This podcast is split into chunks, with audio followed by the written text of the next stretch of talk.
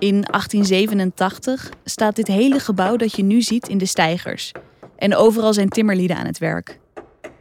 De VU bestaat inmiddels zeven jaar en de eerste studenten zijn afgestudeerd. De Schotse zendingskerk wordt al lang niet meer gebruikt voor colleges. Daarvoor heeft de VU nu haar eigen statige gebouw aan de Keizersgracht.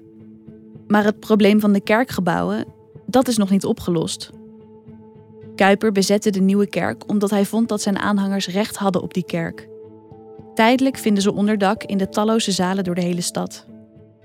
Hij vond eigenlijk dat uh, zijn uh, gereformeerden uh, niet meer dan noodkerken moesten bouwen. Want het idee was dat als zij natuurlijk uiteindelijk wonnen en als hun richting zou doorzetten, dat dan die gebouwen die nu in bezit waren van de hervormde kerken, al die grote kerken in Nederland, dat die eigenlijk ja, terug moesten keren naar hun ware geloof, naar hun geloof der vaderen, zoals ze dat natuurlijk eh, met veel nadruk eh, noemden. Dus uiteindelijk vond hij toch dat hij recht had en recht bleef houden op die nieuwe kerk, hè, waarvan ze uh, die, die eigendomspapieren met veel geweld zich hadden toegeëigend. Dan wordt Kuipers hoop de grond ingeboord. De Hoge Raad doet een uitspraak over zijn bezetting van de nieuwe kerk.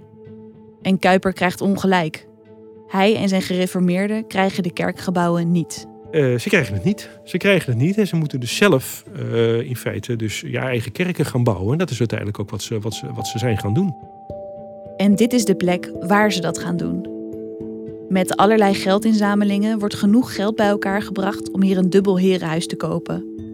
Het wordt gesloopt en op die plaats wordt één kerk gebouwd, speciaal voor de gereformeerden: de Keizersgrachtkerk. Maar al is het nog zo'n mooie kerk, het is niet de nieuwe kerk. Kuiper blijft altijd vinden dat hij toch in de nieuwe kerk hoort. Dat kun je zien aan de kerkenraadzaal, die achter de kerk gebouwd wordt. Op verzoek van Kuiper is die identiek aan die van de nieuwe kerk. Zodat hij toch ook een beetje daar is, waar hij eigenlijk hoort. De Keizersgrachtkerk is de eerste kerk die speciaal voor gereformeerden gebouwd wordt. Veel van de VU-studenten en hoogleraren zijn hier dus vaak in de kerkbanken te vinden. Door de weeks in de collegebanken, zondags in de kerkbanken, maar wetenschap en geloof botsten niet, vond Kuiper. Ja, nou, Kuiper gaf natuurlijk een hele grote greep. Die zei gewoon, uh, bang, er is geen conflict tussen geloof en wetenschap, uh, maar uh, wetenschap moet voortkomen uit het geloof. Want geloof is altijd fundamenteler dan dat. Ze liepen eigenlijk pas echt vast met dit ideaal toen ook die geneeskunde en wiskunde natuurkunde er bijkwamen. Maar dat was pas later. Geneeskunde begon heel kleinschalig in 1907, 8, volgens mij als ik me niet vergis. En wiskunde begon in 1930.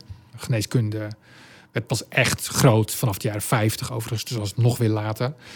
Maar die wetenschappers die daar werden benoemd, die kwamen echt voor de vraag te staan van nou, hoe ga je nou uh, natuurkunde, scheikunde enzovoort, en later ook biologie uh, beoefenen op christelijke grondslag. Gaat zo'n vakgebied er nou echt anders uitzien als je die als, dat als christen gaat beoefenen? Of, uh, of lijkt dat toch eigenlijk gewoon uh, verdacht veel op wat andere wetenschappers doen?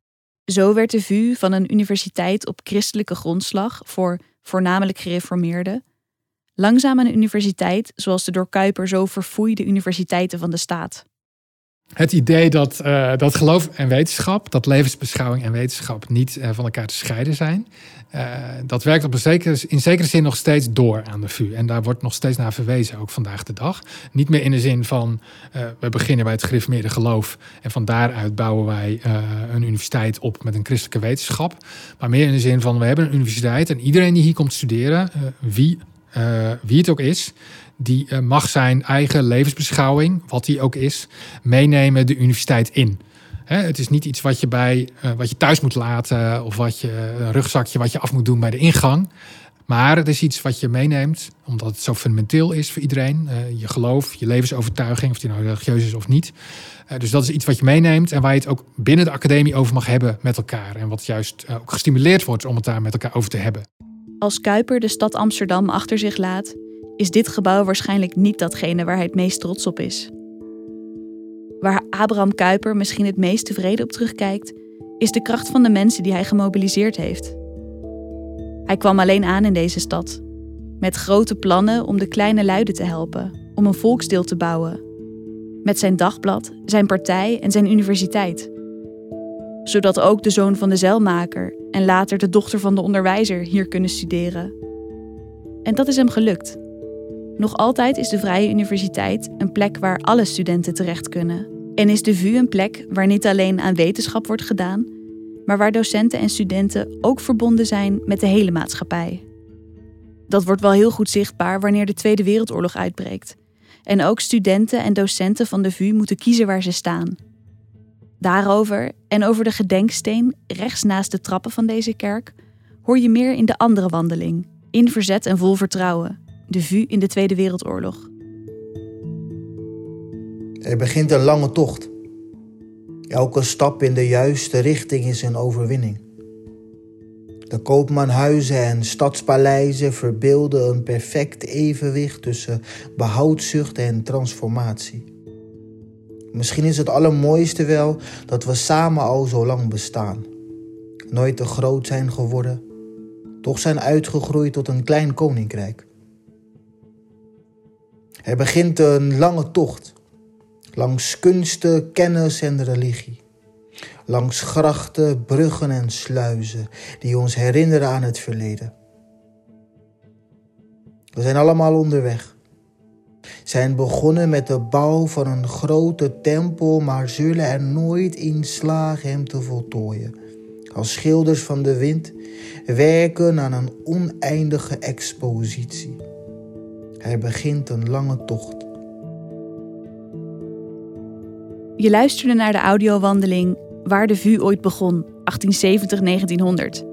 Een wandeling met Abraham Kuyper. Deze audiowandeling is voor de Vrije Universiteit Amsterdam gemaakt door Nienke Zoetbrood.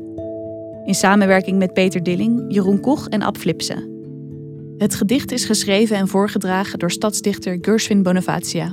Het fragment werd voorgelezen door Zita Smit. Muziek is van Blue Dot Sessions en de mixage is gemaakt door Sam Jones van Studio Joneski. Met dank aan Isa Zoetbrood en Ronald van Gelder.